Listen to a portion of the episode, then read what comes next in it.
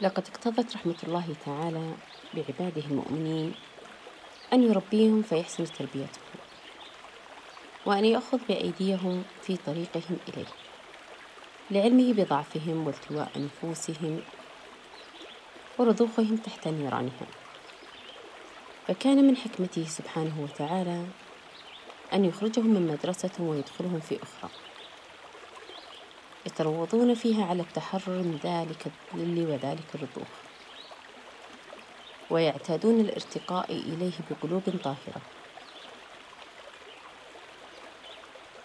مستفيدين غاية الاستفادة مما يفرضه عليهم من أدوات تعينهم على تحقيق هذا المقصد العظيم. وها أنت ترى أنهم ما كادوا يخرجون من مدرسة رمضان العظيمة قاطفين ثمرتها الكبرى. ألا وهي التقوى والتدرب على التقوى. حتى أدخلهم سبحانه وتعالى مدرسة الأشهر الحرم. وأنبأهم بحرمتها وبمضاعفة الوزر والأجر فيها. ليستطيع الواحد منهم شد إزاره والاجتهاد فيها أكثر ما يستطيع. ثم ليكون ذلك دربا له في باقي الأشهر المخففة. فإنه إذا اتقى الله سبحانه وتعالى وجاهد نفسه وجد نفسه في سائر الشهور متقيا متحرسا متيقظا. قد صار له ذلك عادة وسجية. قال الماوردي ليكون كفهم فيها عن المعاصي ذريعة إلى استدامة الكف في غيرها.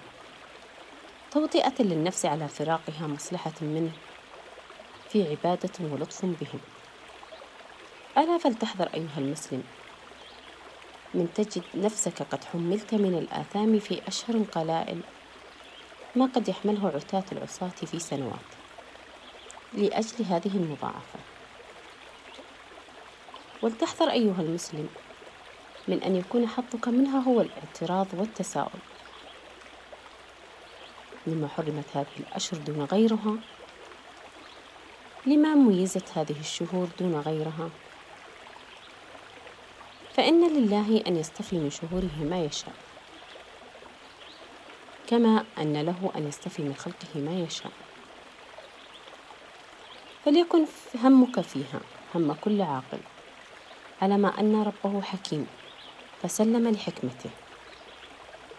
واجعل سؤاله عنها سؤال العقول السليمة التي تتعامل مع الأشياء النافعة بصورة الانتفاع لا بصورة الاعتراض فخاطب نفسك قائلا كيف أغتنمها؟ كيف أقطف ثمارها؟ وكيف أقبل منه على ربي فيها؟